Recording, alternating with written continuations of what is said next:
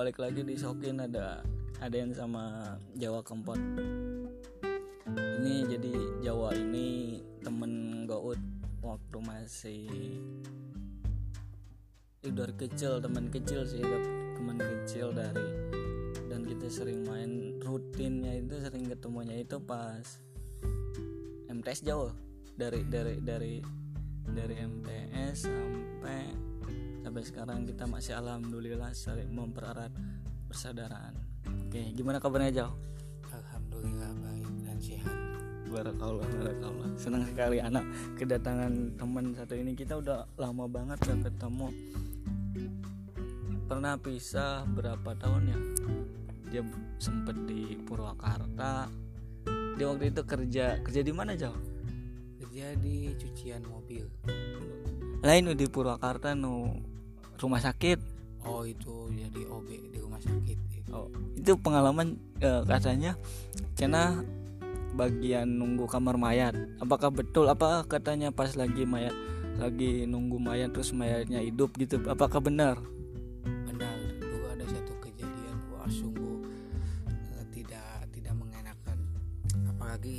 kalau mengingat hal itu sungguh ya takut karena dulu kan tuntutan ekonomi jadi membuat saya untuk berani lakukan pekerjaan itu.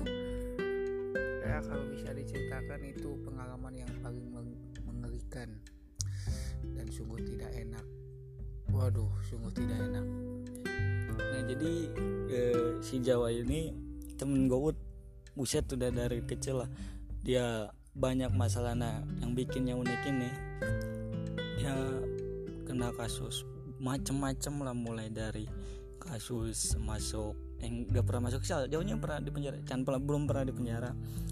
Tapi dia sering melakukan hal-hal kriminal contohnya mabok seperti begitu. Alhamdulillah saya sedikit pun enggak karena saya suci insya Allah nah jadi awal pertama ente masuk kenal-kenal begitu itu gimana jauh? Boleh boleh ceritain kalau nggak apa-apa ya nanti kita tutup acaranya. Boleh nggak? Boleh. Jadi pada awal mulanya itu dari salah pergaulan. Dulu dulu dulu dia terhasut oleh satu teman dan dan itu membuat kan da, dari pas kejadian waktu itu ada kejadian broken heart lah di rumah di rumah Broken aduh, home. broken home ya. Broken home broken home. Ya yaitu ya ya sungguh sangat tidak mengenakan dan membuat saya mungkin otaknya sedang dangkal. Jadi saya waktu itu masih buatnya masih labil dan saya itu jerumus. Dan itu sungguh bertahan 9 tahun lamanya saya dalam dunia narkoba ngomong campurnya malah ya masuk Sunda oh, beri campur.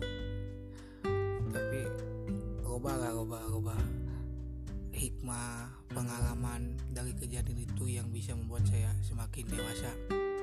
Lui batna lui Lui cang lui lui caang lui ngerti mana benar mana salah. Ya itu itu. Dan yang terpenting kita tahu mana teman yang baik dan mana teman yang menjerumuskan kita. subhanallah. Intinya semua kejelekan itu dari lingkungan kita sendiri. Dan kita harus bisa berani ngambil sikap supaya ke sini tidak dihewa ke sana tidak dibenci. Itu sikap sikap yang sangat dewasa. Mungkin bisa bisa terjadi kalau kita sudah memiliki pengalaman yang banyak. Dan banyak sih dan sekarang dia alhamdulillah udah hijrah dan tapi masih masang togel barakallah barakallah barakallah jadi dulu tuh uh, Goat juga pernah punya band nih sama si Jawa ini. Dulu bandnya tuh namanya Biru Langit pertama jauh pertama namanya Biru Langit sama anak teman satu lagi si Pitak si Rizky. Itu bikin grup. Ya iya, temen itu dia mau nikah sekarang. Alhamdulillah, ternyata dia payu. Dan sa- saya nggak nikah nikah. Nah itu waktu sekitar SMP lah. SMP bikin biru langit jauh tahun 2009 tahun 2009. Nah setelah berjalan SMP nah gitu masih intens tuh aku uh, Gaud bi ketemu si Jawa ini masih intens latihan lah meskipun gak ada hasilnya tapi kita udah recording udah udah berusaha udah recording udah masuk bikin film jauh sudah sempat. Eh, eh, bikin film dimasukin CDR dulu tuh masih zaman CDR jadi kalau buat buat anak-anak yang nggak tahu CDR itu adalah tayangan web yang Google.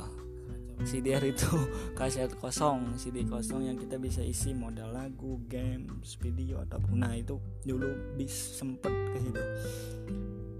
Dan seiring berjalannya waktu kita makin dewasa dan alhamdulillah kita tetap gini-gini aja. Dulu dari susah dan tetap susah. sekarang. Dulu apa ya pengalaman sama si Jawa ini unik. Dulu saking bandelnya dia sering ngejual beas. Buat yang nggak tahu beas itu beras. Jadi beas kita tuh kong kali kong. Jadi di desa ini ada namanya SSC SSC itu satu kumpulan majelis taklim. Teman-teman semua ada. Nah termasuk di Jawa Magaut nah di situ kita sering kong kali kong buat beli sekedar beli rokoknya duit. Karena kita baru lulus waktu itu dan gak ada duit geng. Tengsin juga minta mulu sama nyokap orang tua. Akhirnya Jawir memutuskan buat mau jual beas itu gimana jauh? Kok ada ide? Gimana ya? Kalau menaing jauh mau kepikiran ngajual beas ngajual kenteng misalnya menaing jadi kok bisa kepikiran ngajual beas jauh? Kita ayah inspirasi kah apa misalnya guys ngeliat baca buku terus yang langsung ah aing jual beas atau guys denger cerita saat aku mah jauh? Cerita boleh ceritain jauh? Karena itu sebenarnya ada kesempatan. Karena itu ada kesempatan dalam kesempitan. Walaupun itu beas atau beras itu padahal yang sering saya makan tiap hari. Nantinya kan bisa jadi nasi itu ya bodohnya saya begonya saya itu udah sampai beras punya nyokap itu dijual. Intinya sih buat sekedar untuk merokok ngopi sama teman-teman. Asik sih asik asik utamanya. Tapi pada akhirnya ya saya bikin orang tua menangis kayak ini lah itu yang pengalaman sungguh tidak patut untuk dicontoh jangan ya jangan ya. Buat siapa pun yang dengar ini jangan sekali-kali buat mikirin perabotan di rumah buat dijual untuk kepentingan sendiri.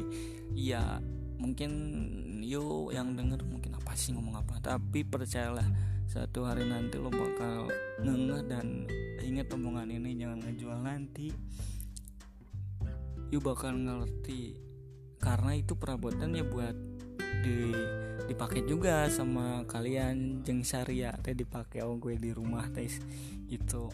Ini cuma share pengalaman aja buat ngisi podcast episode perdana episode pertama gue sama si Jawa ini.